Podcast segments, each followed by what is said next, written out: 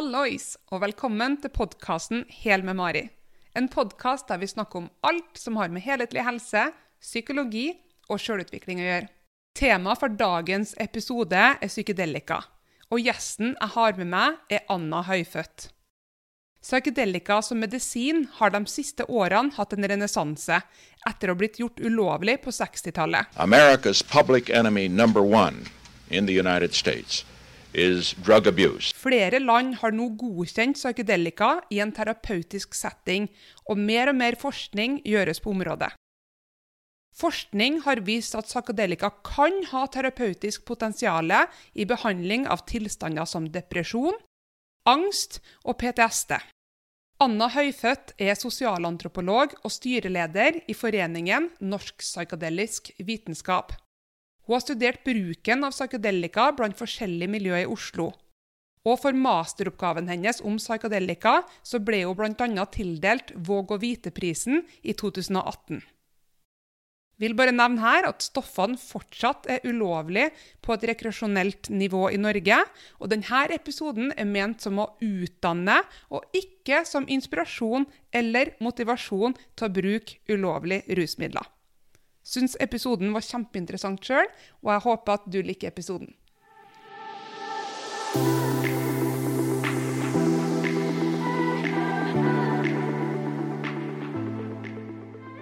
Anna Høyfødt, hjertelig velkommen til podkasten Hel med Mari. Takk. Dette er jo en episode jeg personlig har gleda meg veldig mye til. Det skal sies at Anna sto meget høyt på lista mi over min ideelle podkastgjest. Du er styreleder i foreninga eh, Norsk psykedelisk vitenskap. Og dere jobber bl.a. med å eh, nettverksbygging eh, og videreformidling av forskning og vitenskap innenfor psykedelika. Um, og dere er for helsefagarbeidere, forskere og akademikere. Og jobber med å utvikle psykodelisk vitenskap til å bli et anerkjent fagfelt i Norge. Og det måtte jeg lese før jeg ville få det riktig. Men det er mye spennende eh, dere jobber med. Og det får meg til å tenke på første spørsmål, og det er egentlig hvordan ble du interessert i psykedelika? Um, det er en ganske lang reise. Um, først så kom interessen av at jeg er veldig interessert i menneskesinnet, bevissthet, uh, hva som er mulig å, oppleve. Og psykedelika ble en ganske naturlig del å ta tak i, fordi det er en, en konkret måte å endres noen bevissthet på veldig um, konsekvent. da. Eh, så jeg, har, eh, jeg, er en person som har reist mye. Jeg har jobbet som yogalærer og bodd i India og bodd i, i ashram og meditert lenge og, og, er interessert i denne delen av livet. Da. Eh, så psykedelika var litt tilfeldig, for jeg bestemte meg for å plukke opp det på masterstudiet. og tenkte at det var et interessant tema. Og så var jeg heldig med at timingen var knallgod. For med en gang jeg var ferdig med å skrive den masteren, så var psykedelika i vinden. Um, så da surfet jeg litt på den uh, bølgen, og så startet den foreningen du nevnte innledningsvis. Mm. Hva er det som har gjort egentlig at psykedelika har fått en oppblomstring de siste 10-15 årene? Uh, det er nok flere ting. Det er jo først og fremst forskningen som har kommet på banen. Så det startet i det små. Altså det, var, det var en del forskning gjort på psykedelika tilbake på 50- og 60-tallet. Og så på bakgrunn av politiske bevegelser, Nixons war on drugs og, og hippiebevegelsen, så ble det slått hardt ned på. Det ble vanskelig å fortsette den forskningen. Men uh, det har vært flere aktører som har jobbet sånn i, i bakgrunnen i lang tid, og i hvert fall siden 80-tallet. Uh, eh, og så har det sakte, men sikkert blomstret opp. Så det er nok fordi akademia har fått en interesse for det, spesielt innenfor klinisk forskning, altså mental helse.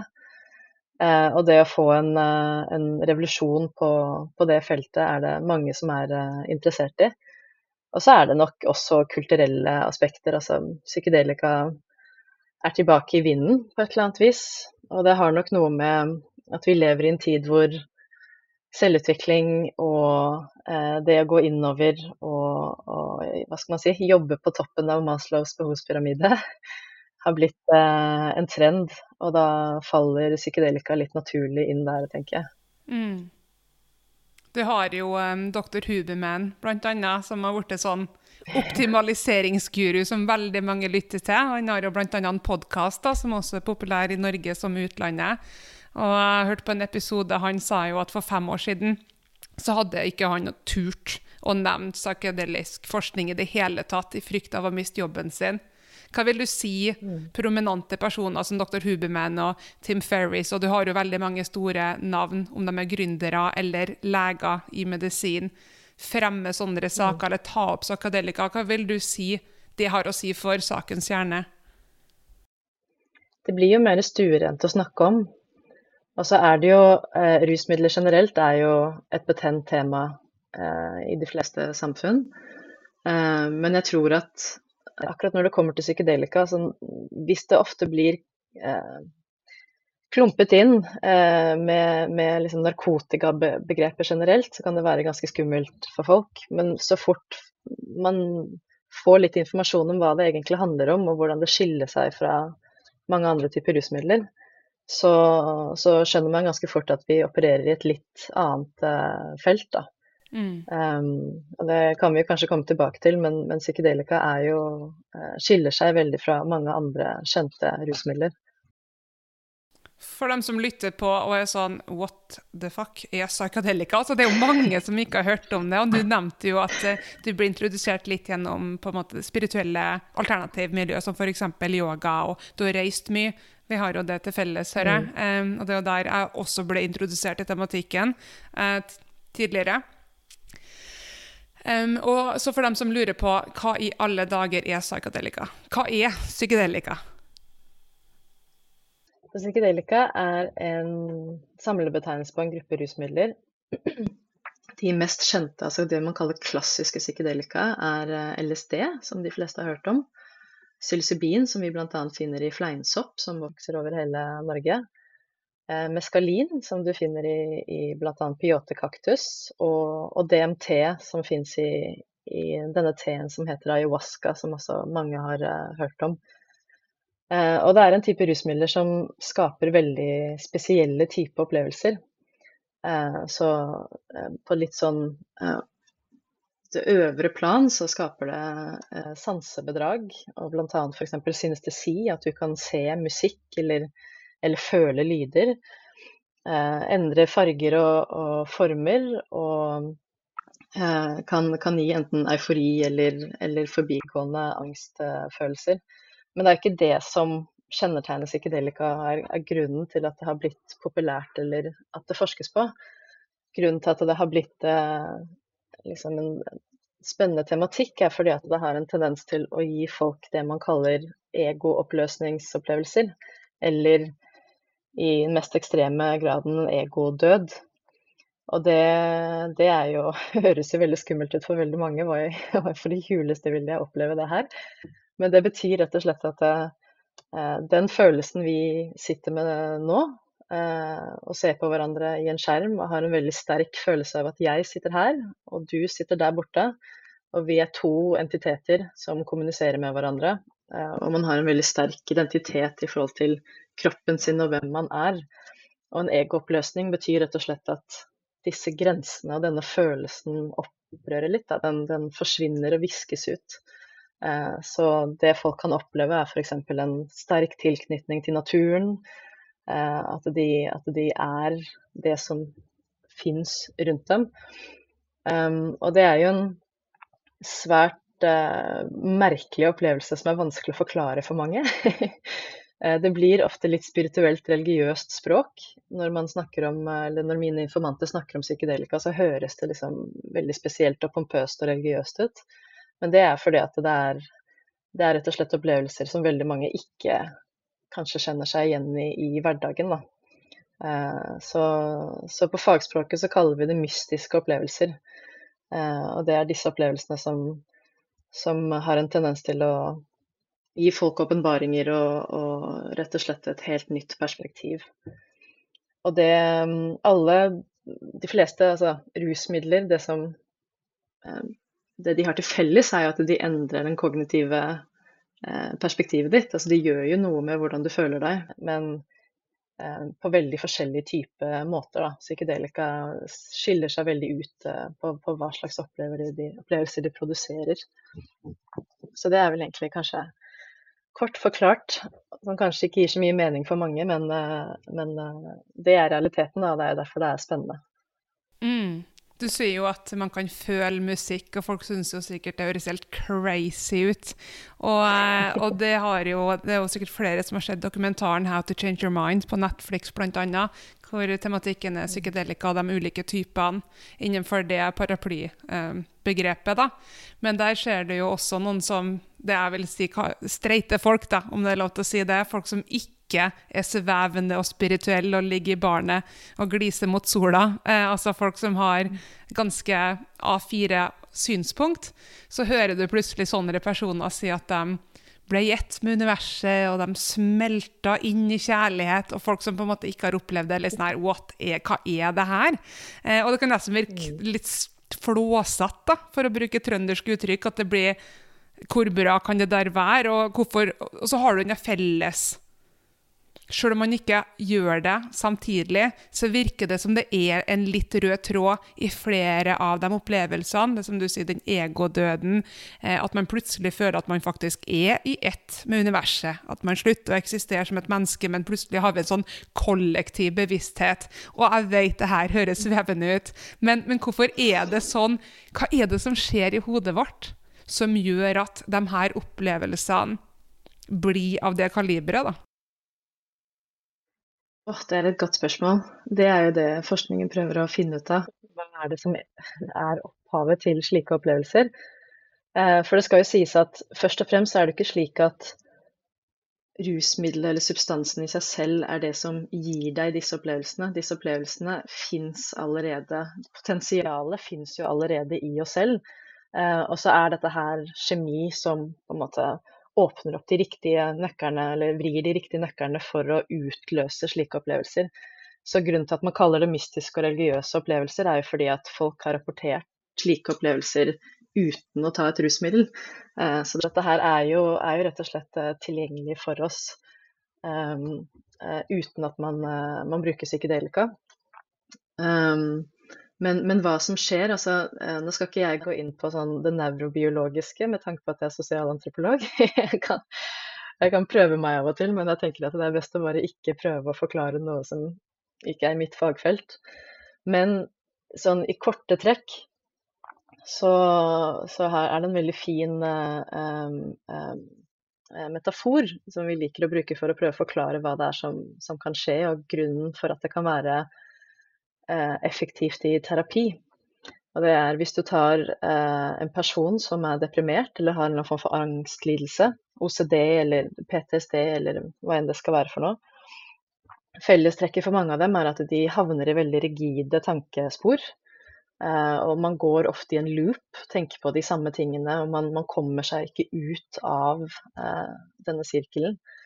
Uh, man kan se på det som et uh, fjell med snø, hvor man, hvor man uh, står på ski ned de samme sporene hver dag. Og da er det veldig vanskelig å komme seg ut av de sporene igjen. Og det psykedelika gjør, er at det legger et nytt snølag over fjellet, og så får du muligheten til å stå ned en annen retning. som er en metafor for å se ting fra et litt annet perspektiv og, og føle deg litt annerledes. Uh, og Det er derfor de, det er, derfor, det er hypotesen da, det er hypotesen for hvorfor det kan være effektivt i terapi, og hvorfor det skaper disse store opplevelsene som, uh, som folk rapporterer forandrer livene deres.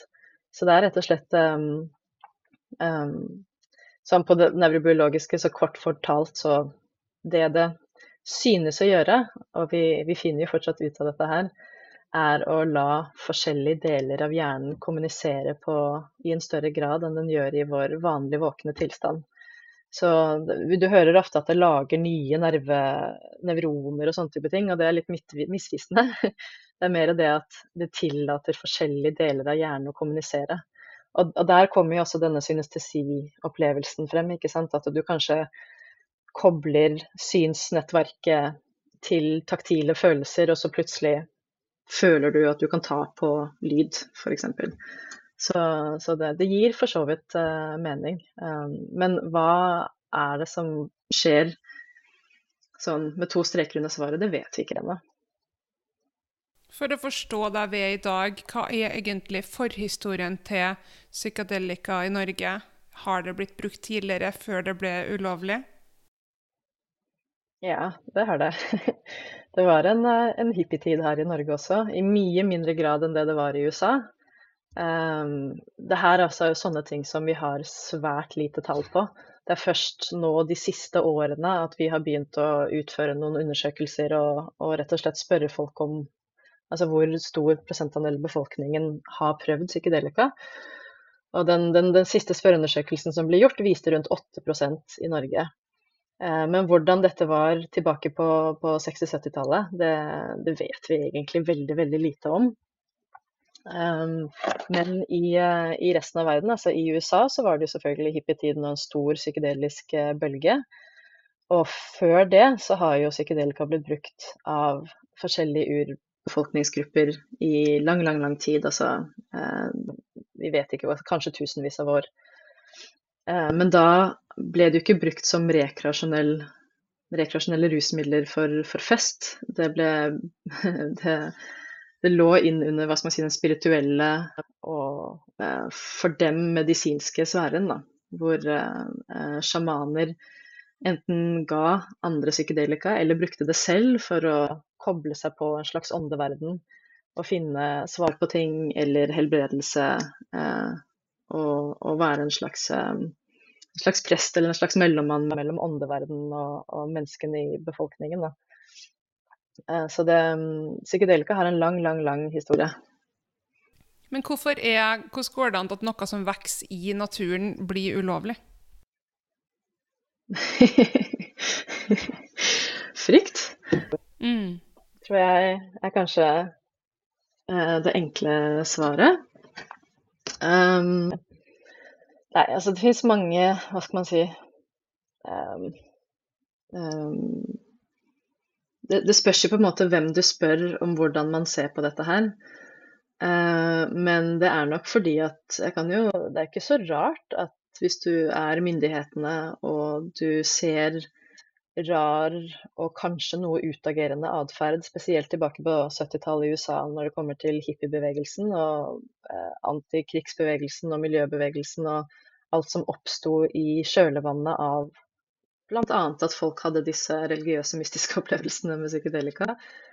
Eh, så er jo ikke det atferd som du nødvendigvis ser på som positivt hvis du er myndighetene og skal prøve å holde kontroll. Eh, og, og, ikke minst ta vare på den unge befolkningen. Så det er jo veldig forståelig at dette her var skummelt. Mm. Um, så finnes det mange konspirasjonsteorier på hva det egentlig handler om, men det, det er en lang, lang debatt som, som, egentlig er mye synsing. Men, men uh, jeg tror det har mye med at det, er, det var veldig liten forståelse for hva disse stoffene egentlig var for noe tilbake på i, eh, på slutten av 60-tallet, når, når narkotikakonvensjonen ble slått igjennom. Mm. Og bare som referanse, da, så har jo um, psilocybin og MDMA blitt lovlig i en terapeutisk setting her i Australia fra 1.7 i år, faktisk. Så det er jo mm. kjempespennende at de på en måte er en av de landene som leder an til å ta i bruk de her plantemedisinene i en terapeutisk setting. Det skal jo også sies mm. at um, det blir jo lovlig før på en måte praksisen er ikke oppe og går ennå. Folk er ikke skolert innenfor det feltet. Det er ekstremt dyrt. Her koster det 12 000 dollar, så ganger det tallet da med 6,8 for å få den behandlinga. Og da går det mye på fordi du må ha en x antall timer hos psykolog eller psykiater da, med den integreringsprosessen i etterkant. Eh, screening, selvfølgelig.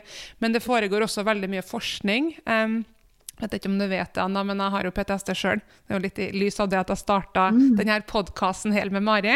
Og har jo vært i den konvensjonelle, tradisjonelle behandlinga. Snakke, snakke, snakke. Eh, og veldig takknemlig for det. Veldig, veldig flotte verktøy som virkelig har hjulpet meg i min komplekse traumediagnose og helbreding, om man kan kalle det det. da. Eh, men så er det på en måte Jeg har følt noe som mangler. Altså det er noe litt sånn typisk PTSD at man får det, ja, den loopen som du snakka om, da. og det fysiologiske og den skvettenheten, det der med å ha ekstremt negativt selvbilde, eh, være destruktiv, ha vansker med eh, nære relasjoner f.eks. Altså lista er lang, da. Og den er jo såpass krevende at det påvirker hverdagen og livet i en ganske stor grad. Og når man er i den mm. settingen, så blir man jo ganske desperat på hva kan jeg gjøre? Jeg føler at jeg gjør alt riktig, jeg går i behandling, jeg snakker til psykolog, prøver å tenke positivt. Du har alle dine verktøy, og så er det noe som stopper. Så jeg har jo meldt meg på som, som deltaker, for de studerer jo De forsker her nå i, på Monash University, som er i Melbourne, som du kanskje har hørt om, du har jo studert i Australia, så fellow Australian mm. fan her. yeah. Og de har nå eh, Jeg fikk en e-post av dem faktisk for ti dager siden. Så jeg bare, wow, skikkelig kult. Men de driver og screener, så nå har de hatt eh, forskning på kreftpasienter. Altså palliativ care for kreftpasienter. Mm.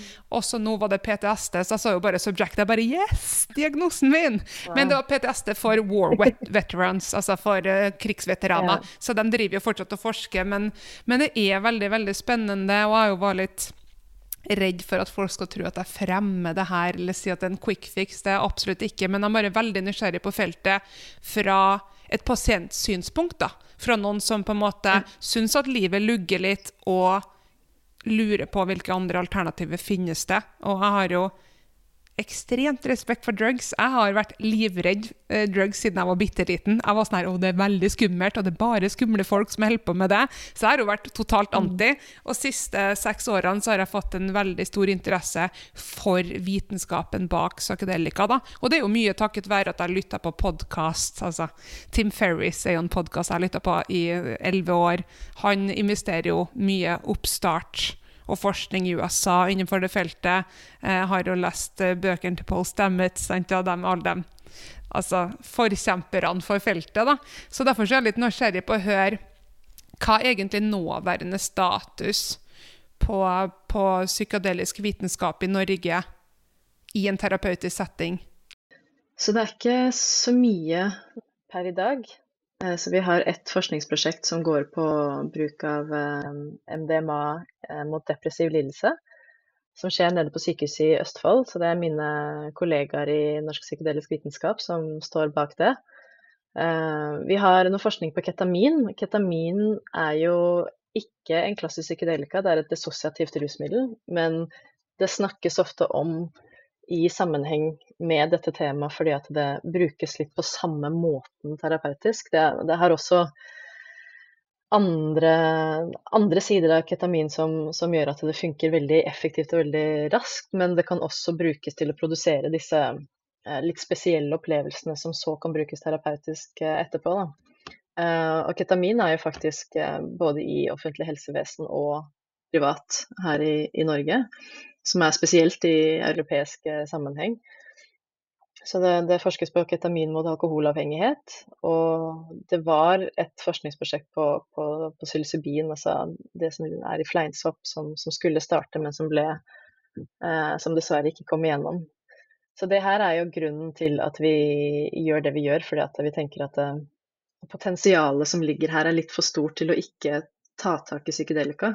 Og det er som du sier, altså du har fått mange gode verktøy, og det er mye som hjelper, men grunnen til at vi kanskje får mindre motstand enn vi trodde vi skulle få, og spesielt innenfor helsevesenet, er jo fordi at mange psykologer og psykiatere er lei av at de ikke har flere verktøy, ikke har noe annet, ikke har noe som gjør at de føler at de kan komme eh, dypere, eller kanskje ta en litt ny vinkling på hva terapi skal være. Da. Og psykedelika åpner opp for at man må tenke litt annerledes på psykisk helse, hvordan vi skal behandle pasienter. Så det er veldig, det er veldig interessant. Og det er, interessant det der du sier med liksom, Du har vært veldig redd for rus i alle år. Eh, og um, det som folk ofte ikke tenker på, er at de fleste rusmidler du kjenner til, er også legemidler. Eh, det er bare at altså, heroin, kokain, eh, GHB, marihuana altså, you name it. Det, det fins i legemiddelform. Det bare heter noe annet når du henter det på apoteket enn når du kjøper det på gata. Uh, så det, det, å bruke rusmidler, altså spesielt opioider Vi ville jo aldri vært foruten opioider i helsevesenet. Da ville det jo vært helt grusomt å skulle komme inn på akutten eller, eller gjøre, ta en operasjon. ketamin brukes jo i anestesi. Det er jo en av eh, hva er det, er det, F, eller altså uh, Er det FN sin liste av essential medicines? Topp ti. En av de altså medikamentene som brukes mest over hele verden. På sykehuser overalt. Men det, men det, tenker ikke folk over. At det er, noe, det er, ikke noe, nytt å bruke rusmidler som medisin. Det er bare at med psykedelika har, og, og marihuana så har man gått litt motsatt vei. At det var rusmidler først, og så prøver vi å gjøre det om til medisin. Mens med mange andre rusmidler så har det vært medisin først, og så ble det misbrukt som rusmidler. Eh, så, så, det er derfor når, når folk liksom spør meg om dette her er kontroversielt, eh, så, så, er det egentlig ikke det, hvis du ser, ser på det fra det perspektivet. da. Og så er det veldig interessant, for jeg har hørt eh, Jeg da prøvd å tilegne meg kunnskap på området, som du hører. Og jeg husker ikke hvem det var som sa det, men det var en mannsfigur som har forska på det her, og han sa det er litt vanskelig hvis man tenker på kapitalismen bak det. da. Det er jo veldig god business, det med medisin. Det er jo kanskje det feltet man skulle ha vært hvis man vil være rik. Og det er litt vanskelig Det er jo ikke så god butikk å ha et medikament som f.eks. For forskninga som er gjort hittil, i hvert fall på psilocybin, at man trenger kanskje én til to makrodosebehandlinger for å se et resultat. Og så er man på en måte yeah. on your merry way. Og det er ikke god butikk av. At, at, folk plutselig kun da i gåseøyne kanskje trenger to, to, doser, og så går det betraktelig bedre. Mens uh, har man et medikament hvor vedkommende trenger å ta det daglig, helst ut livet, så er jo det en fantastisk god butikk for Big Pharma. da. Men det, altså, det er jo selvfølgelig en helt annen debatt igjen, men det er jo ekstremt komplekst. Og ja. Og så kan man jo også ikke patentere selve substansen. Nei, for det. Du kan ikke patentere medisinen. Nei. Ja, for, for det er i allmenneie. Mm. Du kan ikke patentere psilocybin. Um, og uh, folk prøver å patentere forskjellige varianter og derivanter av det, men, men, du kan ikke patentere MDMA. Det eneste du kan patentere, er behandlingsformen, altså MDMA-terapi i, i, denne konteksten med denne typen terapi. Eh, I, i en, du kan patentere det i en viss, eh, en viss mengde tid. Da. Så det er, det, det er, sant som du sier, at det er vanskelig for Big Pharma å finne ut av hvordan de skal tjene penger på det her. Men det fins jo nå selvfølgelig også, det skal sies, en stor industri som jobber med å finne ut av hvordan de kan tjene penger på det. Mm. Det er nok noen som kommer til å gjøre seg rike på psykedelika, men det er sant det du sier, at det er um, litt trøblete på den måten. Men det, jo, det, gjøres jo mye forskning i utlandet nå på depresjon bl.a. og PTSD. Eh, spesielt i krigsveteraner, eh, og innenfor palliativ omsorg. Det vet jeg det gjøres både i USA og i Australia as we speak. Hva er mm. det hvis du vet det her da, men hva er det forskninga viser hittil på de forsøkene som er gjort? Hva er det, hva er det som skjer med f.eks. i palliativ uh, care og med PTSD når de bruker psykadelika i en terapeutisk setting? Du snakka om egodød, men er det det som gjør Er det at frykt plutselig ikke finner sted, at det er helt borte? Er det det som gjør at det virker, eller hva er det som gjør at noe av forskninga hvert fall viser positiv endring i etterkant av konsumering av psykadelika? Det er, eh, altså, akkurat disse to eh, spesifikke områdene så er det, er det, veldig forskjellig. Fordi når det gjelder eh, folk som har en, en, en uh, altså folk som har ubehandlbar kreft, og som, som skal dø, så har det blitt brukt psilocybin. Og det er fordi at eh, mange av pasientene har følt på veldig mye dødsangst. Veldig mye eh, kanskje angst i forhold til uoppløste eh, problematikk innenfor relasjoner. Eh, at de rett og slett, eh, eh, for, for mangel på å si det på en bedre måte, ikke opplever en, en, en, god død, eller de opplever ikke eh, på en måte noe, noe forløsning før de, før de, skal forlate denne verden. Da, da gir det jo for så vidt mening å gi disse menneskene eh, en, en, slags nær døden-opplevelse som samtidig viser dem at de ikke er historien deres og, og personligheten deres og alle feilene de har gjort men, men, er en del av noe større. Altså en, en slags religiøs opplevelse av å opphøre som person og smelte inn med, med, det, med det, store, da. Um, så det, det, folk har rapportert, er at det har rett og slett gitt dem et, et nytt perspektiv på dødsleiet. Og ikke minst da muligheten til å kanskje kommunisere med de nærmeste før de, uh, før de forsvinner. Og det er jo veldig vakkert. Jeg syns kanskje at det, akkurat den forskningen er jo det som gir meg litt grøsninger av potensialet som ligger i det her, og hvor, hvor vakkert eh, psykedelikassistert behandling kan være. Da. Når det kommer til PTSD, så er det jo hovedsakelig MDMA som har blitt forsket på. Og MDMA er annerledes. MDMA er ikke en klassisk psykedelika. Det kan ligne på noen måter, sånn rent farmakologisk om hva som skjer, men det er også annerledes. Og opplevelsen er også veldig annerledes. Så med MDMA så er det rett og slett Altså, jeg prøver å forklare det her, da, men det, det gir pasienten muligheten til å eh, være årvåken, men fortsatt rolig. Eh, det gir en opplevelse av veldig stor tillit til de du er sammen med, og da spesielt en terapeut som du har jobbet med på forhånd. Eh, sånn at det som ofte skjer, er at de som har traumelidelser, eh, og spesielt de som hvor det er såpass ekstremt at de kan ikke kommunisere eller prate om traumene sine, fordi de, de kan bli liksom retraumatisert, og det ligger fysisk i kroppen. at Det, det, det går ikke an å bearbeide fordi de, de, får en, en, en, reaksjon. De får muligheten til å bearbeide traumene sine under denne rusen fordi at rusen skaper en tilstand som gjør det mulig for dem å bearbeide det. Um, så det er uh, mer et slags verktøy i terapi, kan du si. Uh, det er terapien som er um, Altså, vi, antagelig, altså, det er nok mye av terapien som også er grunnen for at folk blir bedre.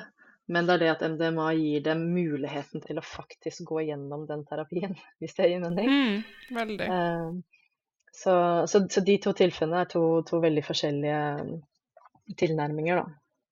Uh, men, blitt, uh, men når det gjelder klassiske psykedelika som psilocybin og LSD og sånn tilbake på 50-60-tallet, så er det jo mye depresjon og angstlidelser det går på. For det jo, handler jo om å skape disse nye sporene man kan, og perspektivene man kan få. Um, og spesielt i forhold til alkoholavhengighet og, og avhengighet generelt, uh, så var det en av de store, store, tingene man så på tilbake på 60-tallet, som begynner nå å komme tilbake i, i nyere tid også. Um, for rett og slett se på, få, få det der metaperspektivet på vannene sine og hva man holder på med. Um, har, viser seg å være ganske effektivt. Da. Og spesielt når det kommer til eh, nikotinavhengighet og alkoholavhengighet, så har vi jo mye eh, spillerom. Det er mye um, uh, Ja, det er, mange som ikke får noe effekt av den nåværende behandlingen, da. Mm. Det har jeg tenkt litt på, hvor tilfeldig det er på en måte at alkohol er bare vårt drug of choice, da, som vi har sagt at ja, i vårt samfunn så går vi for det. Det skal være lovlig. Og, og, vi er jo i Norge Det er jo et sosialt lim for veldig mange. Um, jeg har eksperimentert med sånn ingen alkohol. 20, jeg har en alcohol-free 2023 for øyeblikket. Jeg har tidligere vært ett og et halvt år uten å bare ikke smakt engang. Bare for å måtte utfordre meg sjøl i sosiale settinger. da. Hva, hvem er Mari hvis hun ikke har et glass i handa på et bryllup, f.eks.? Um, og hvor det er jo mye Selv om alkohol kan være avslappende, og sikkert noen syns det er en positiv opplevelse, så er det jo ikke å putte under en stol at alkohol kan også være veldig veldig destruktivt. Og et kraftig rusmiddel, og man får blackout, du snakker om avhengighet. Så det er jo ikke bare en dans på rosa, det med alkohol heller. Ikke i det hele tatt. Eh, alkohol er et ganske skadelig rusmiddel på, på flere forskjellige måter, og kanskje kanskje Det finnes mange måter å se på, på, på risikoprofilen av et rusmiddel. Én ting er jo giftigheten for kroppen, ikke sant? og der uh, scorer ikke alkohol spesielt bra. Uh, det andre er atferden, uh, altså avhengighet, men det, det, det, som er viktig å tenke på, er atferden. Altså hva du gjør, hvordan du oppfører deg i forhold til deg selv, men spesielt også andre. Og alkohol har en tendens til å gi folk ganske utagerende atferd. Um, så Og der er jo psykedelika veldig annerledes. Um, psykedelika er ikke giftig. Uh, det er så å si ingen registrerte overdosedødsfall. Uh, noen som har endt opp på sykehuset med varige skader, men de har tatt liksom tusenvis ganger vanlig dose, så det blir som om du skulle ha drukket liksom 15 flasker sprit. Det er jo ikke rart at det går galt. Um, men, eh, men, eh, men psykedelika Risikoen ligger mer i at disse opplevelsene er, kan være veldig mentalt krevende. Uh, og kan gi deg Altså det er du, ingen, du, har ingen garanti for eufori. Du har ingen garanti for at det blir behagelig.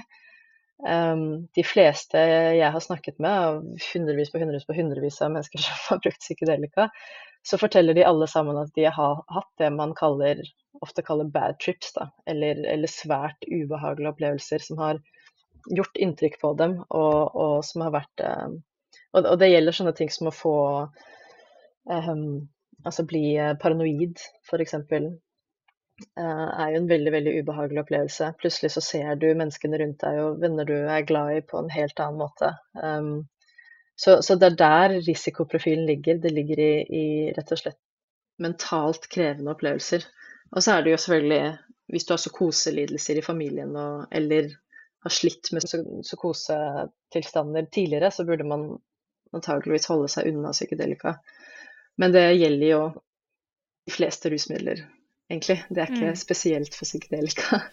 Det er bare det at hvis du har en skjør eh, skjørt sinn, da, for å si det på en altså, litt sånn negativ måte, um, så, så, burde du ikke, kanskje ikke rokke så veldig mye og riste i uh, snøkulen så veldig hardt.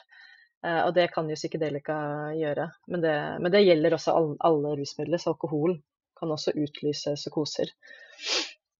Um, og så er det jo selvfølgelig ikke kjør bil. Det, det, er liksom, det, er er de samme, det er samme risikoprofilen som alle andre rusmidler. Ikke, ikke gjør dumme ting. Men det derre at folk hopper ut fra taket og tror de kan fly og sånne ting, det er bare myter. Det er ikke sånn, det er ikke sånn folk oppfører seg ofte på, på psykedelika.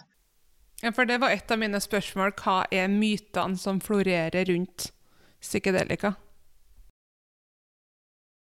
Ja, det er jo kanskje den mest sånn eh, hva skal jeg si, eh, populære tankegangen som, som kommer til, tilbake fra eh, 60-70-tallet, er jo dette at du ja, f.eks. Tror, tror du kan fly, eller at du hallusinerer eh, på en litt sånn Donald-aktig måte. At du ser rosa elefanter eller tror du er en appelsin og alle mulige slags merkelige, merkelige tilstander. Det, det, er ikke det som skjer. Um, det som uh, En måte å tenke på det på, er at det, uh, det, ligger jo ofte under sånn Farmakologisk så blir det jo også omtalt i kategorien av hallusinogener. Og da tenker folk ofte på rusmidler som får deg til å hallusinere. Men det er mer at det gir deg illusjoner enn hallusinasjoner. Så det er mer det at f.eks. ting og former kan flyte sammen. Um, um, hvis du hmm, jeg skal prøve meg på en forklaring, hvis du Ja, gjerne. som jeg ikke, som, Nå er spent. En, en, en, eh, en, måte å forklare det på som jeg ikke har tenkt på før. Men, eh, men det det kan gjøre, at det kan viske ut Altså når vi, når vi ser rundt oss uh, Hvis du ser rundt deg nå i det rommet du sitter i, så har du sikkert en datamaskin, du har en mikrofon, du har noen bilder kanskje, forskjellige gjenstander. Og de gjenstandene har veldig klare merkelapper som skiller de vekk fra hverandre. Samme som vi snakket om med egooppløsning. ikke sant? At her, jeg er her, og du er her. Og det er følelse av veldig stort skille mellom oss. Men de tingene i verden rundt deg, de merkelappene kan begynne å, å, å forsvinne, og så sklir ting litt mer sammen.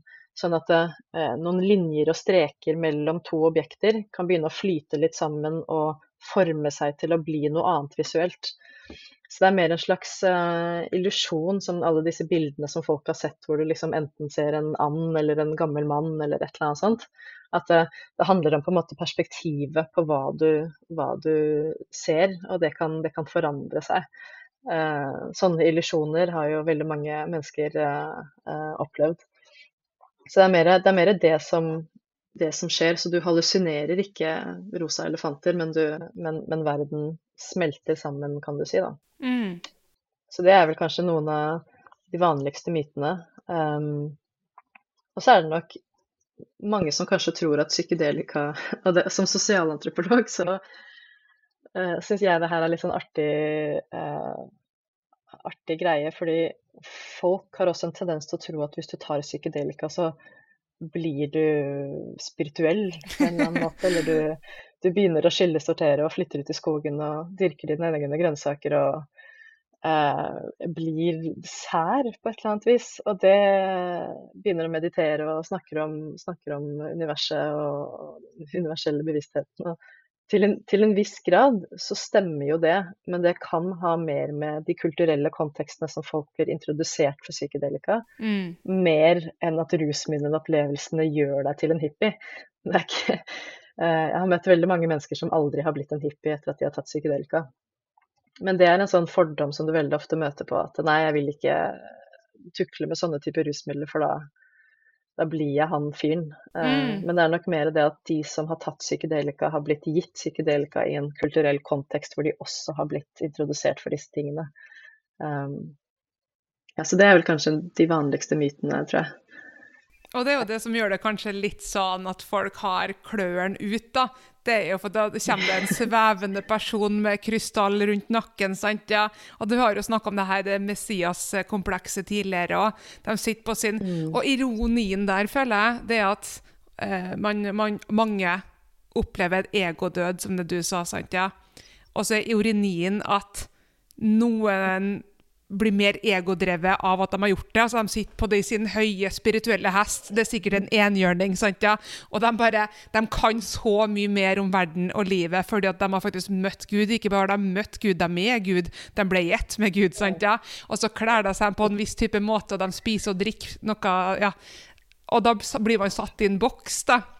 Så det er jo kanskje det negative mm. med, um, med det her konseptet, at folk har så mange forutinntatte inntrykk på hva det vil si eh, psykadelika. Da. Og det er det som er positivt med det dere jobber med eh, i norsk eh, psykadelikavitenskap. Mm. fordi at dere jobber jo med å få det her som et reelt fagfelt. Og løfte opp vitenskapen bak det. Og jeg har jo nettopp eh, mm. for noen måneder siden så leste jeg boka til Michael Pollan. Um, og har også lest veldig mye av jobben som Gabor Maté gjør. da. Og Gabor Maté er jo snart 80 år sant, ja, og er lege starta i allmennmedisin, er ikke den stereotypiske, svevende eh, sjamanfyren. sant, nei? Og det å på en måte høre både Michael Pollen, da, han er journalist og forfatter, for dem som ikke vet det, um, og Gabor Maté snakke om sine opplevelser innen feltet, det, det, viser den andre sida, da. For jeg bor jo i Barron Bay, som jeg sa til da, flere av dem som lytter, vet jo det. Og her er det veldig mange svevende typer. og så har du den der egodrevne, svevende typen som er litt sånn Nei, men jeg har gjort ayahuasca, så nå vet jeg alt. Og du bør absolutt Du vet ikke hva livet handler om før du har gjort det der. Jeg lå og spydde igjen fem timer i strekk. Altså, det, blir, det blir litt merkelig, da. At det blir liksom mot sin hensikt. Apropos egodød, og så snakker de eh, nesten litt nedlatende til andre som ikke har opplevd det der. Så det er sånn Ja, litt sånn merkelig. Det er veldig, det er veldig interessant, men det er også noe som man må huske på, er at det, eh, det er nok ikke tilfeldig hvem man ender opp med å legge merke til. Uh, og de som stikker seg ut og snakker veldig høyt om det, uh, er jo ofte ikke den vanlige brukeren. Altså jeg har jo uh, møtt på mennesker som bruker psykedelika i mange, mange, mange, mange år nå. flere hundre av dem. Og det blir, altså for, det, for, det, første så er det én ting, det er, det, er, det er, de stereotypene er vel ofte de som man for det første enten møter på i media, eller som snakker høyt ut om det. Eh, det er også et uh, aspekt ved det her at mange blir det man kaller for nyfrelst. Altså Når man først har hatt disse veldig store opplevelsene, så klarer man ikke å snakke om noe annet enn det, for det var revolusjonerende, og du bare? Og så, og så på en måte modnes folk litt etter hvert. Det er jo det samme med folk som er veganere. Det er jo de som har vært veganere i seks måneder, som alltid plager deg med at du spiser kjøtt. ikke sant? Men de som har vært veganere i 15 år, de, liksom, de, de, de bare lever livet sitt.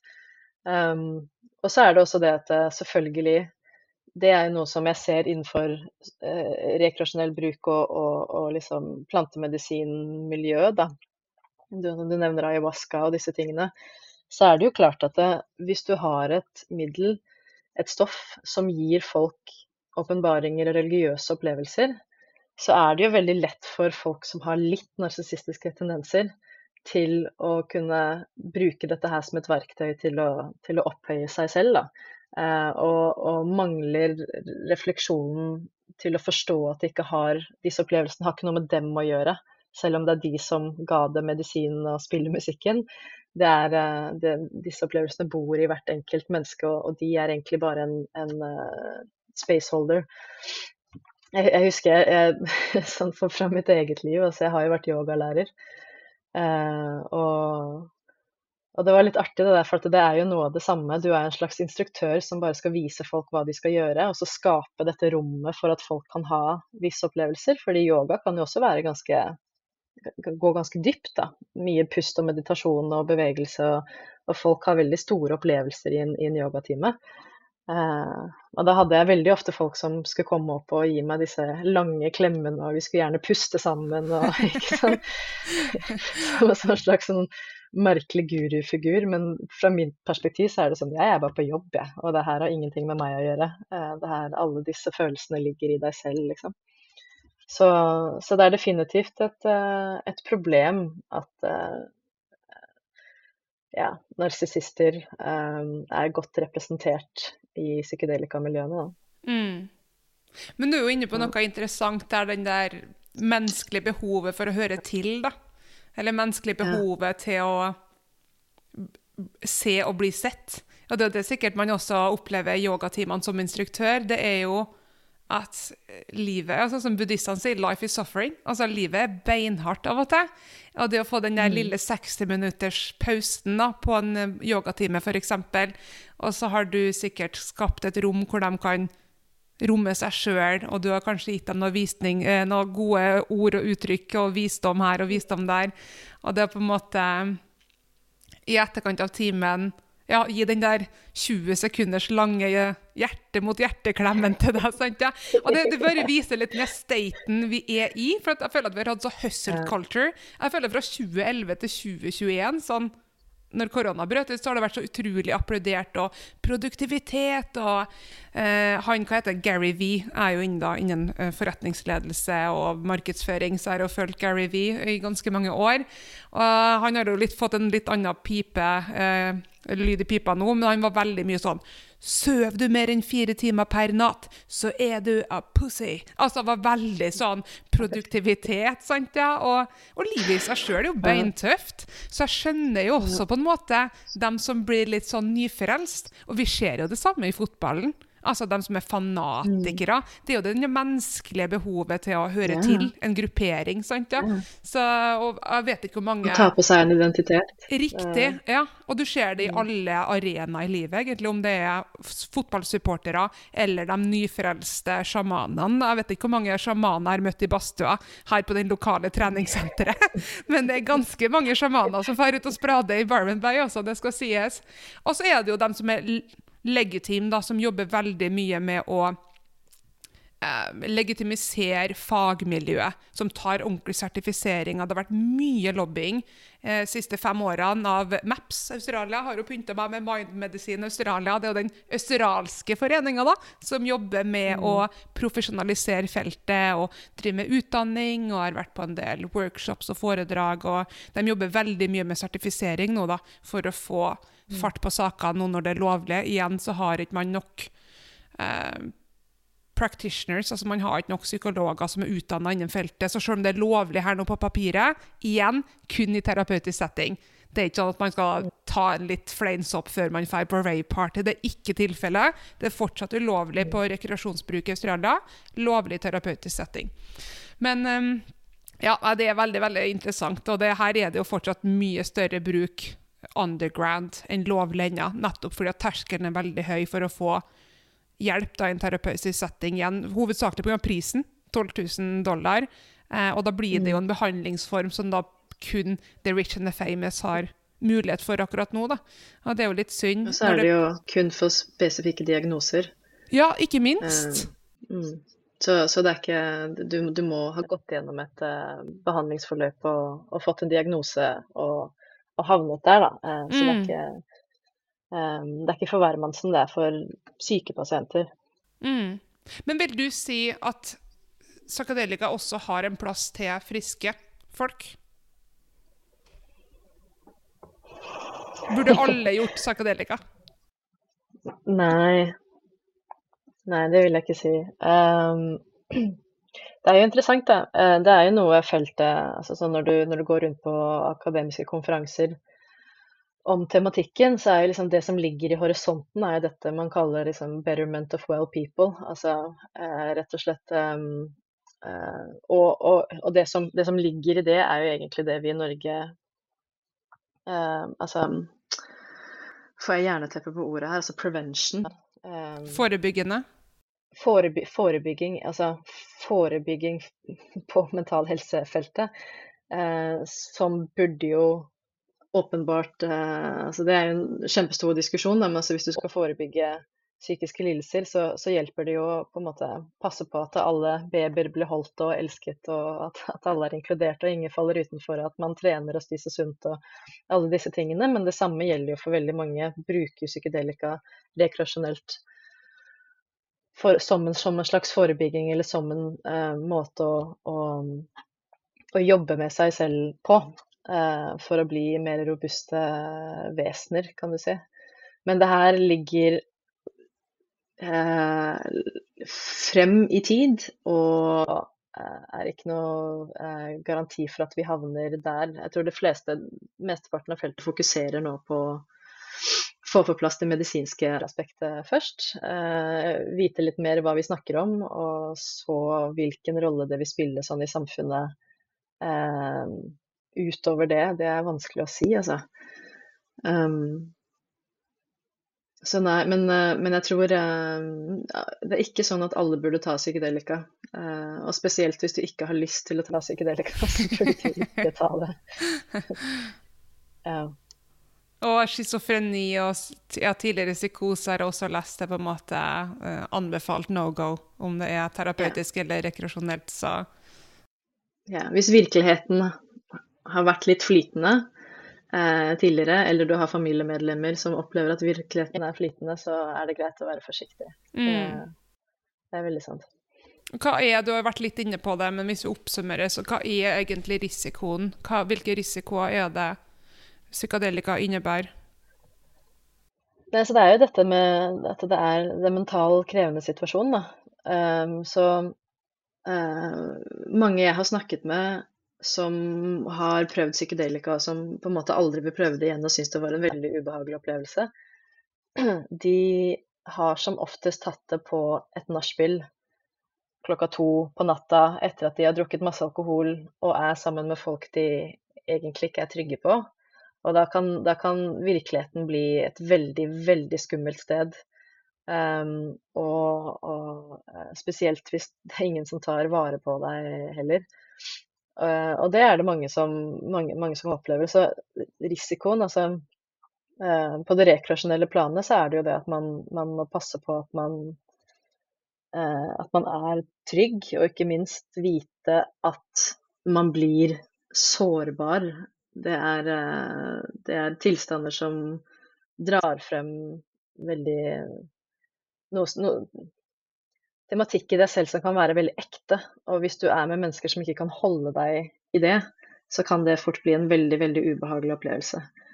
Um, så, så disse, disse badtripsene som folk eh, rapporterer, kommer som oftest fordi folk tar psykedelika i høye doser, i usikre omgivelser, mennesker de ikke stoler på, med høy musikk, og de har ikke kontroll. Og så, og så spinner ting bare eh, ned i et eh, et lite helvete, da.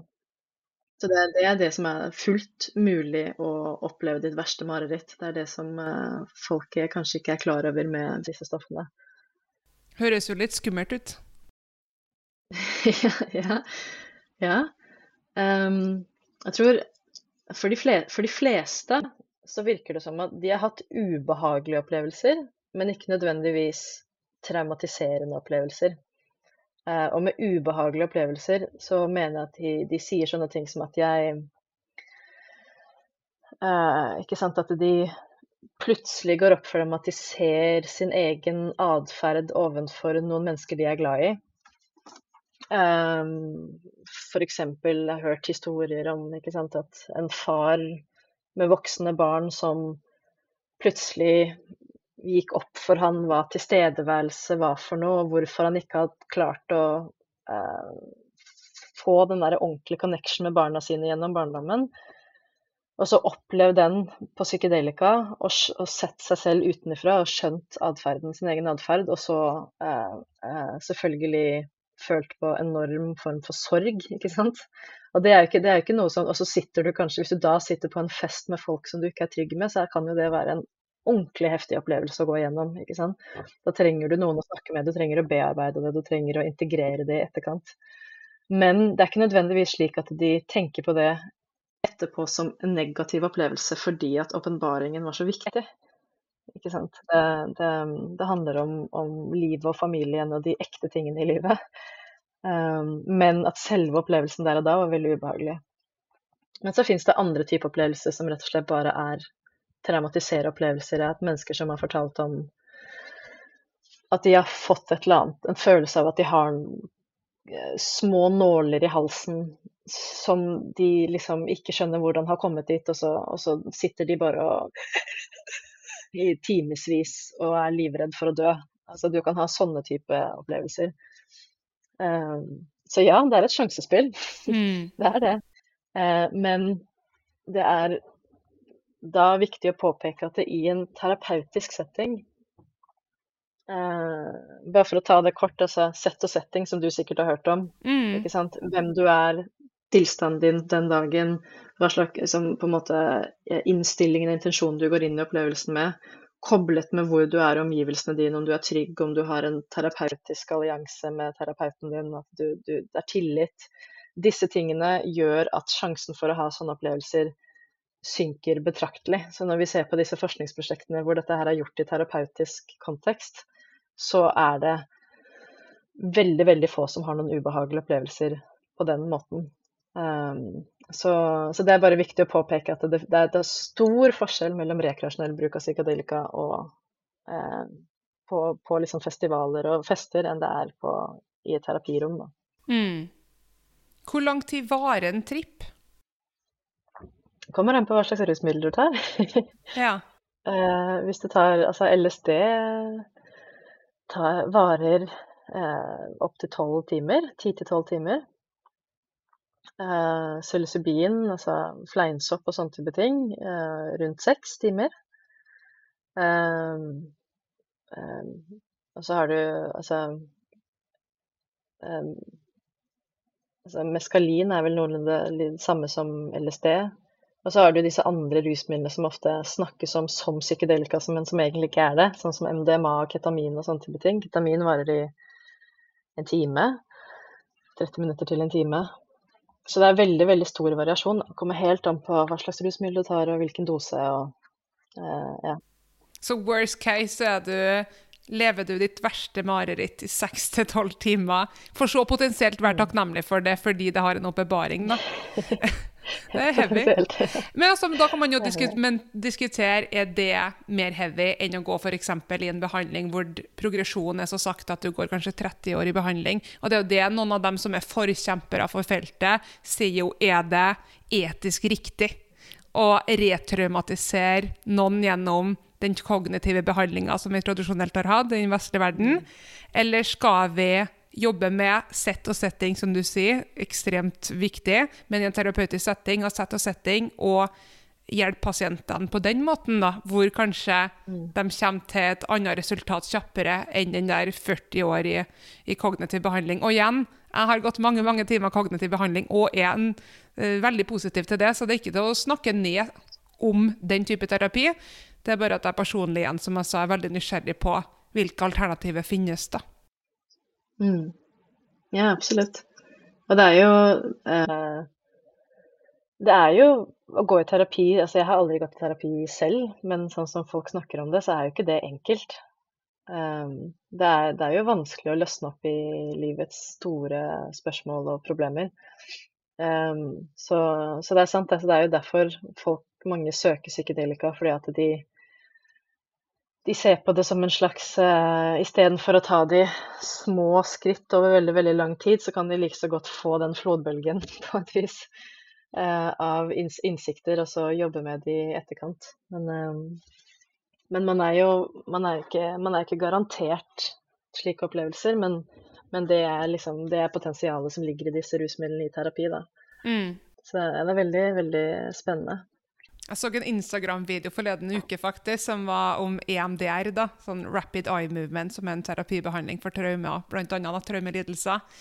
Og Der var det en video av noen som ble skjøttet på med en ball, sånn kanonball, bare igjen og igjen. Samme person fikk en ball i trynet. Og så står det liksom 'My psychologist saying trust the process'. Og du ser han holder på å bli slått i hjel av den samme kanonballen. Han bare ja, kjenner meg igjen i det. Det er hardt arbeid, så, så hatten av til alle som jobber med det. Har du hørt om Duncan Trussell? Han er yeah. sånn, ja, jeg elsker jo Duncan. Han er den artigste. Han er jo ganske erfaren psychonaut. da.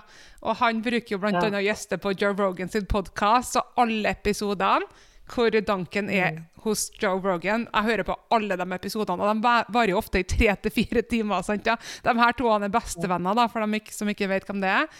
Og Duncan han, han har nå blitt far, da, blant annet, og han deler jo gladelig av sine trips og sine erfaringer, både på YouTube og egen podkast, og når han gjester andre sine. da. Og han sa jo litt det der apropos det med tidsbruk, da. Han forklarte jo jeg har jo ikke tida faktisk til å ta et dypdykk og være psykonaut noe mer, fordi jeg må sette av en hel lørdag, og som småbarnsfar så har jeg ikke tida til det. I tillegg så bør jeg helst sette av søndagen òg for integrasjon og refleksjon. Så han sa jo litt eh, ja, Han nevnte jo det, og det gjør jo det selvfølgelig vanskelig å bli også avhengig, vil jeg tro.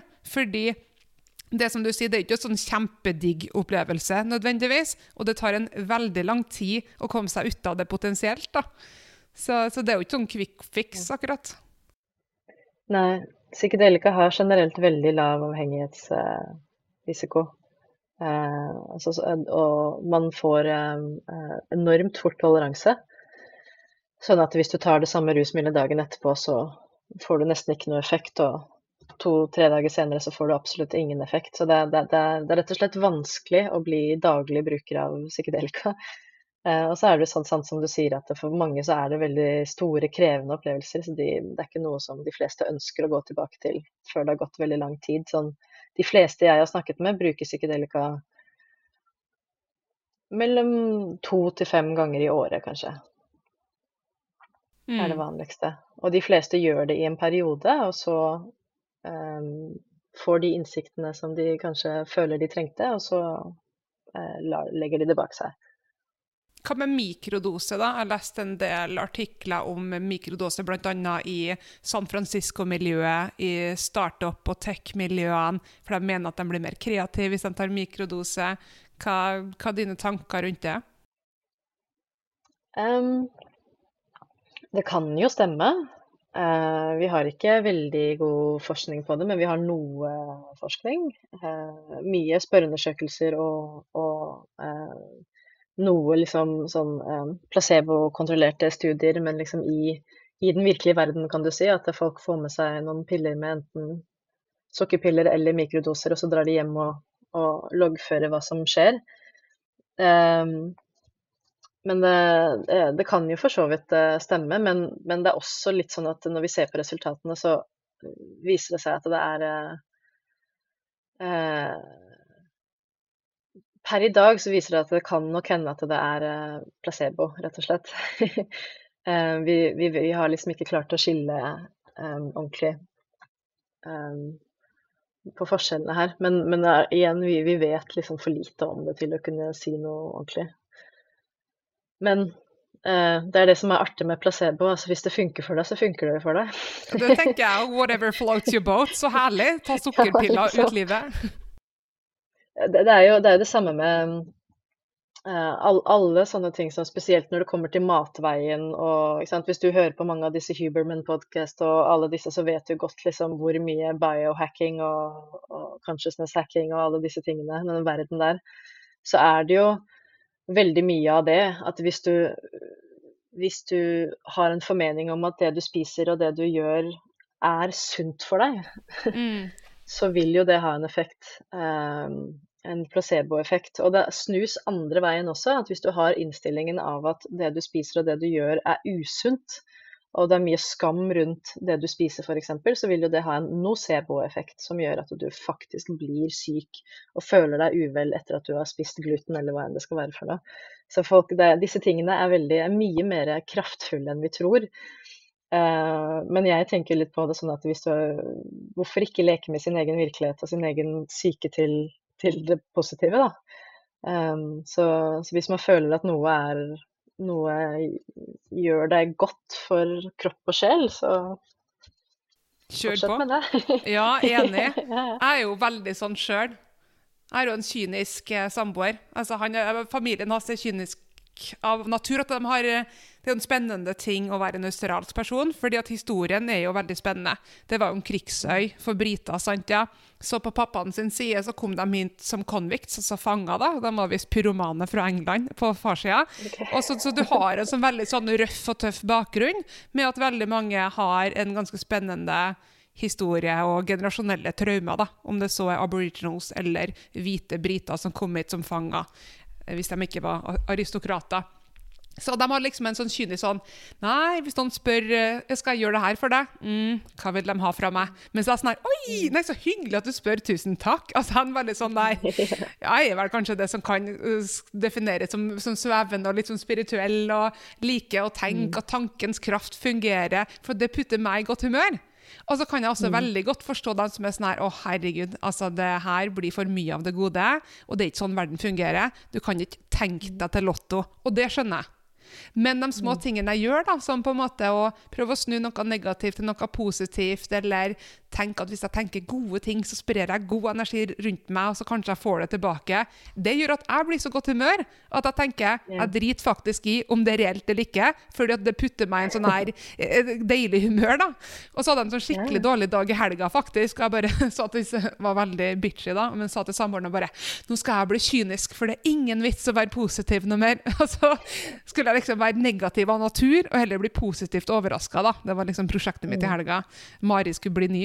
Men det var så kjedelig at når søndagen kom, så var jeg tilbake til den der oi, spirrevippen som bare fer rundt og syns at livet er fantastisk. Selvfølgelig ikke hele tida, men det der med tankens kraft og jeg kjøper placebo gjerne på flaske, liksom. Jeg syns det er fantastisk at det faktisk fungerer, da. Ja. Ja, det, til, til en viss grad så er det jo like greit. Altså, jeg tenker jo eh, jeg, jeg er jo litt sånn som kanskje er mer skeptisk når man skal kjøpe det på en flaske. Ja. Men tenk, men tenk fordi, fordi at det er liksom Det er jo en viss på en måte utnyttelse av mange i denne wellness-industrien. Men, um, men det er veldig mange ting som jeg også gjør som jeg tenker at det her trenger jeg ikke å forske på. Men det er jo ofte gratis og lett tilgjengelig. Da. Sånn som jeg hopper i havet f.eks. Går, i- går i badstuen og, og bader i kaldt vann. Det er liksom det er sånn, Vi trenger ikke å forske på om det der er sunt eller ikke, det bare må være det. Fordi det føles fantastisk ut. ikke sant? Mm, Trening er det samme, bevege kroppen sin. Se på soloppgangen og solnedgangen. Ikke sant? Ha et forhold til stjernene, alle de tingene der. Det, ehm, det bare det, intuitivt føles riktig at det her må være bra for meg, rett og slett. Mm. Og det Det er mye du ikke trenger å kjøpe på flaske. 100 og det er det som er litt uh, etikken i det her, da. At det er faktisk folk som kapitaliserer på at andre har det vondt, da. Jeg har lest i, mm. abonnerer på Harvard Business Review, og jeg har lest i forleden utgave at den eh, raskest voksende industrien er jo den helseindustrien, helsetech. Altså, det er jo ikke uten grunn at annenhver person føles det ut som ut på Instagram nå en coach, sant ja? Så det er jo um, vi, vi er jo søkende, og mange av oss har det vondt, da. Og da blir man desperat, og så er det noen løsninger. Det er, det er artig det der. Det, etter hvert som man blir jo eldre og innser noen, noen ting. Og uh, det er eh, jeg, har, jeg har fått dette spørsmålet før. Altså hvis du skulle sagt noe til ditt yngre jeg, hva, hva, hva slags råd hadde du gitt? Og det ene må vel være at det er mye billigere og mye enklere å lære å bli glad i seg selv enn det er å fikse den du er. For det er et håpløst eh, prosjekt. Så det handler om liksom finn ut av hvordan du kan lære å, å like deg selv. Um, og, og, det andre er at uh, du kommer ikke ut forutenom Altså du kommer ikke rundt det faktum at noe av det viktigste i livet er community og menneskene rundt deg. At du har tette, nære, ordentlige, vakre, menneskelige connection og bånd med andre mennesker, er det absolutt viktigste som fins. Så ta vare på, på, på, menneskene rundt deg, og, og, og ikke tenk på deg sjæl. Det er liksom de, de viktigste, viktigste, rådene. Uh, og det er derfor det er litt ironisk at det liksom, skal man finne gleden på Instagram, det er jo det, er jo det motsatte av mm. det som funker. Uh, så det var min lille rant, da. det var to minutters TED-talken. Den syns jeg var veldig bra og veldig viktig. Og så er det gratis, som du sier. Det er det fineste. Yes. Å investere i gode relasjoner. Og det å lære seg å like seg sjøl. Og det er ikke over natta, men det går an til å øve på det. Og det er mm. så frigjørende. Jeg husker ene psykologen min sa til Hun brukte alltid å bruke bestevenninna mi da, som et eksempel, for jeg har jo det selv, negative sjølsnakket, blant annet. Da, og en av tingene som var veldig dominant i hodet mitt tidligere. Og hun brukte alltid å si har du ville snakka til, til bestevenninna di på en måte her, hva du ville sagt til henne hvis hun har gjort det her. Og det på en måte mm. seg igjen og igjen på å skifte det mentale snakket. da. Så det er uten tvil mm. gode investeringer du sier der. med Lære å like deg sjøl, investere i gode vennskap. Ja. Ja, det begynner også med å bare innse at folk, folk er like egosentriske som det du er. Så folk går ikke rundt og tenker på, på meg. Og derfor så, Deilig. Derfor så trenger jeg ikke å bekymre meg for det. det jeg, har jo, har jo, gjort en del sånne ting som podcaster og foredrag og, og sånne type ting. Og da pleier jeg også, hvis jeg blir nervøs, så pleier jeg å tenke det at det, hvis du driter deg ut eller dette her ikke blir perfekt, så folk eh, har fem minutter etter at du har gått ut døra, så tenker de på noe helt annet og går liv, videre med livet. Så det, det er ikke så farlig. Og det er jo det noen rapporterer psykadelika gjør med dem. er At de på en måte kommer ut av eget rumpehull, om det er lov å si på en podkast. Altså, man er ikke så selvsentrert noe mer, da. At det er mm. ah, vet du, Det spiller ikke noen rolle, for jeg er bare en bitte, bitte, bitte liten fis, en bitte lite sandkorn, i en ørken av mennesker, en del av universet. Det er infinity. Altså det, altså, det blir så lite, da. Så de trivielle, menneskelige utfordringene vi har, som føles helt grusom ut og enorm ut, blir veldig Det blir en avstand da, mellom mennesket selv og på en måte den der åpenbaringa om at OK, rapporten har ikke så mye å si. Det er ikke en refleksjon Nei. av er noe mye større, men samtidig mye mindre enn det jeg opplever at jeg er akkurat nå. da. Hørtes kanskje kjempesvevende ut, men jeg tror det gjør at folk føler at det er frigjørende da, av og til. Ja. Og på en måte komme seg ut av eget hode. Da ser man jo kanskje hvor eh, kanskje tåpelig den menneskelige atferden er av og til. Det er jo det som du Mange ser seg selv fra utsiden, så Du hører jo du hører sikkert på, på, Joe Rogan også. Eh, jeg brukte mm. et uh, sitat fra han i, i masteroppgaven min, faktisk. Han skrev noe sånt som at uh, If you take life too seriously, just remember that we are flying, that we are monkeys on an organic spaceship flying through the universe, eller et eller annet sånt. den, er så bra. Som jeg syns uh, var ganske spot on, egentlig. At mm. uh, det handler bare om perspektiv og se hvor absurd realiteten egentlig er, da. Uh, så du, du, Det er det som er litt sånn apropos det. Du, du skrev i en e-post før vi snakket sammen at om jeg hadde en bok eller et eller annet som jeg Uh, og det, det uh, som har endret livet mitt. Men den har nok ikke endret livet mitt, men den har gjort veldig inntrykk, og det handler om akkurat det her. Uh, og det er en bok av en fysiker som heter Carlo Rovelli, som heter 'The Order of Time'. hvor han forklarer veldig veldig elegant og vakkert hva tid egentlig er for noe. Ja. Fra en fysikers perspektiv, da. om vi, hvordan, hvordan vi kan forstå universet. Og det er også, den, den, boka bare åpner opp og viser deg hvor, hvor um, hvordan den menneskelige, intuitive forståelsen um, er, er, veldig snever.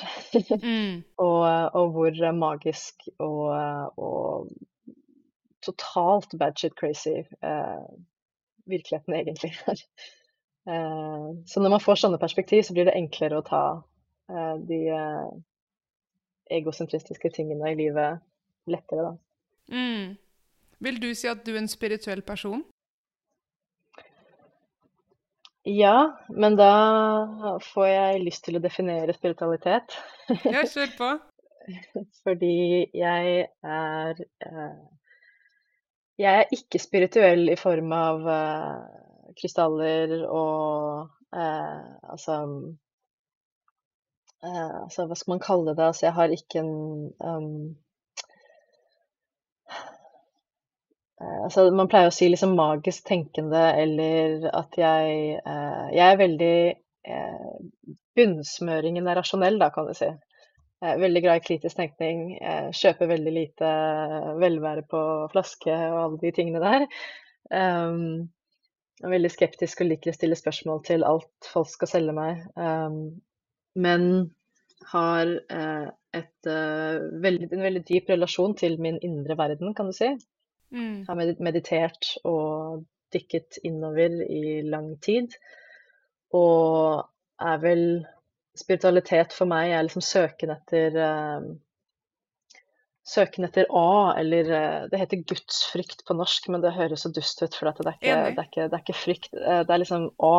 Det er mm. de opplevelsene av å kjøre på veien og stoppe opp en vinternatt i Norge og innse at du ser Melkeveien over himmelen og ta inn over deg på en måte din egen plassering i universet og de der, de der vakre opplevelsene der, da, det er spiritualitet for meg. Mm. Eh, lukten av eh, huden til datteren min og alle de der liksom magiske, finurlige aspektene ved livet. Mm. Det, det, er, det, er, spiritualitet. Men uh, spiritualitet for meg har ingenting med hva jeg spiser eller hva slags klær jeg går med eller ja, alle de greiene der. det var fint forklart. Jeg spurte jo, Mine følgere sa jo tematikken for dagens episode, og jeg valgte to spørsmål som de har sendt inn. Mm. Så jeg tenkte vi kunne ta dem. Um, og det første var Er det mulig at det her blir allmenn behandling på DPS i framtida? I så fall, hvilken tidshorisont ser vi for oss for terapeutisk behandling i Norge? Ja, det, det er mulig, ja. Um, ketamin er jo det allerede, enkelte steder i Norge. Um, så, så, det er definitivt mulig, men tidshorisont er vanskelig å si. Fordi det er veldig mye vi må finne ut av først. Ikke minst få noe ordentlig svar på faktisk effektivitet, altså hvor, hvor, effektivt det er på mm. eh, visse diagnoser, så eh, Det er vanskelig å svare på. Men vi snakker årevis. Ja. ja. Så det er, ikke, det er ikke rett rundt hjørnet-type eh, behandling. Og det her er jo noe man kan påvirke sjøl ved at man f.eks. da går inn og følger norsk akademisk vitenskap og støtter om forskninga og jobben som gjøres innen feltet. For det er jo kanskje vår mm. stemme eh, inn i denne debatten. Um, og, og forskninga er jo å støtte opp om forskning, hvis det her er noe man personlig er nysgjerrig på, da. Mm. Absolutt. Så spørsmål nummer to, det var Misforstå meg rett, men er det sunt? Apropos på flaske. er det sunt? Um, jeg, får jo litt sånn avsmak bare av uh, på en måte dette begrepet sunt. Da. Uh, det, kan jo på en måte, det kan jo brytes ned og reflekteres rundt i seg selv.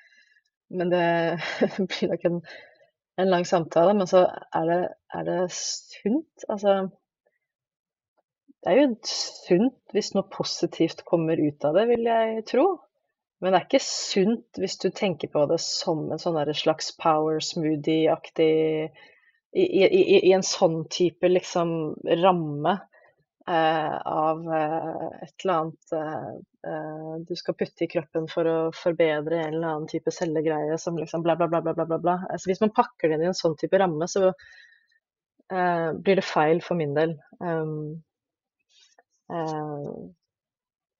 noe er vel sunt hvis det helbreder og gleder kropp og sjel og sinn. Så hvis det, hvis det er effekten, så er vel svaret ja. Eh, men ikke Ja, altså sånn hvis hun spør fordi som Burde jeg mikrodosere, mikrodosere for bedre kreativitet og et eller annet søvn eller hva enn det skal være for noe, så, så kan ikke jeg svare på det eh, med den kunnskapen jeg sitter med i dag. Mm. Takk. at du svart på dem? Jeg er sikker på at de satte pris på det. Du sa jo på en bok som du refererte til, som anbefalt, eh, og den skal jeg uten tvil legge til på leselista mi. Jeg elsker jo både lytte og lese til bøker. Um, har du um, et sitat? Du nevnte jo sitatet ditt til Joe Rogan. er, er, det ditt ja. livssitat, eller var det bare noe artig Nei. du ville legge til? Nei, Har du et livssitat, Nei, eller noe du går tilbake til når ting på en måte lugger litt? Mm. Nei, jeg er egentlig ikke en sitatperson, altså. Jeg tenkte jo litt på det, men jeg har, jeg har ikke et sånn et sitat som uh, Ja, jeg har liksom alltid prøvd å, prøvd å ikke være hun dama som Ramser opp quotes, ja. La meg se! Liksom, ja, eller alltid skal på en måte sette, en, en, en, sette, et punktum med en samtale med å liksom referere altså det, det, er et eller annet litt cringy med det. Men uh, jeg, jeg, kommer ikke på noen uh, sitater. Uh, nei, jeg, jeg, tenkte litt på det, men det var liksom ingenting som Og så er det et eller annet med å liksom velge et sitat som da skal definere på en måte min tankegang eller min Jeg vet ikke. Jeg, jeg, nei. Jeg sier pass. det er lov til å si pass. Ellen Watts mm. sa en gang Nei, da bare tulla. Tulla, tulla. Jeg har heller ikke ramsa opp noe sitat. Men bøker er jeg veldig glad i, og det har jo sender det spørsmålet til alle som gjester. Og folk mm. favoriserer uten tvil bøkene, og det er jo kanskje det artigste, for man får jo mye mer ut av en bok enn et sitat. Ja. Ja, ikke sant. Jeg, jeg, ble spurt om det her på en podkast på, på, Blindern eh, for noen par år tilbake, om denne boka. Og da valgte jeg Da sa jeg også Carlo Rovelli, fordi at eh, det er den boka som jeg tenker Som ikke handler om psykedelika eller rusmidler i det hele tatt, men som eh, ut ifra liksom min forståelse så føles den boka ut som en, som en slags psykedelisk reise, da.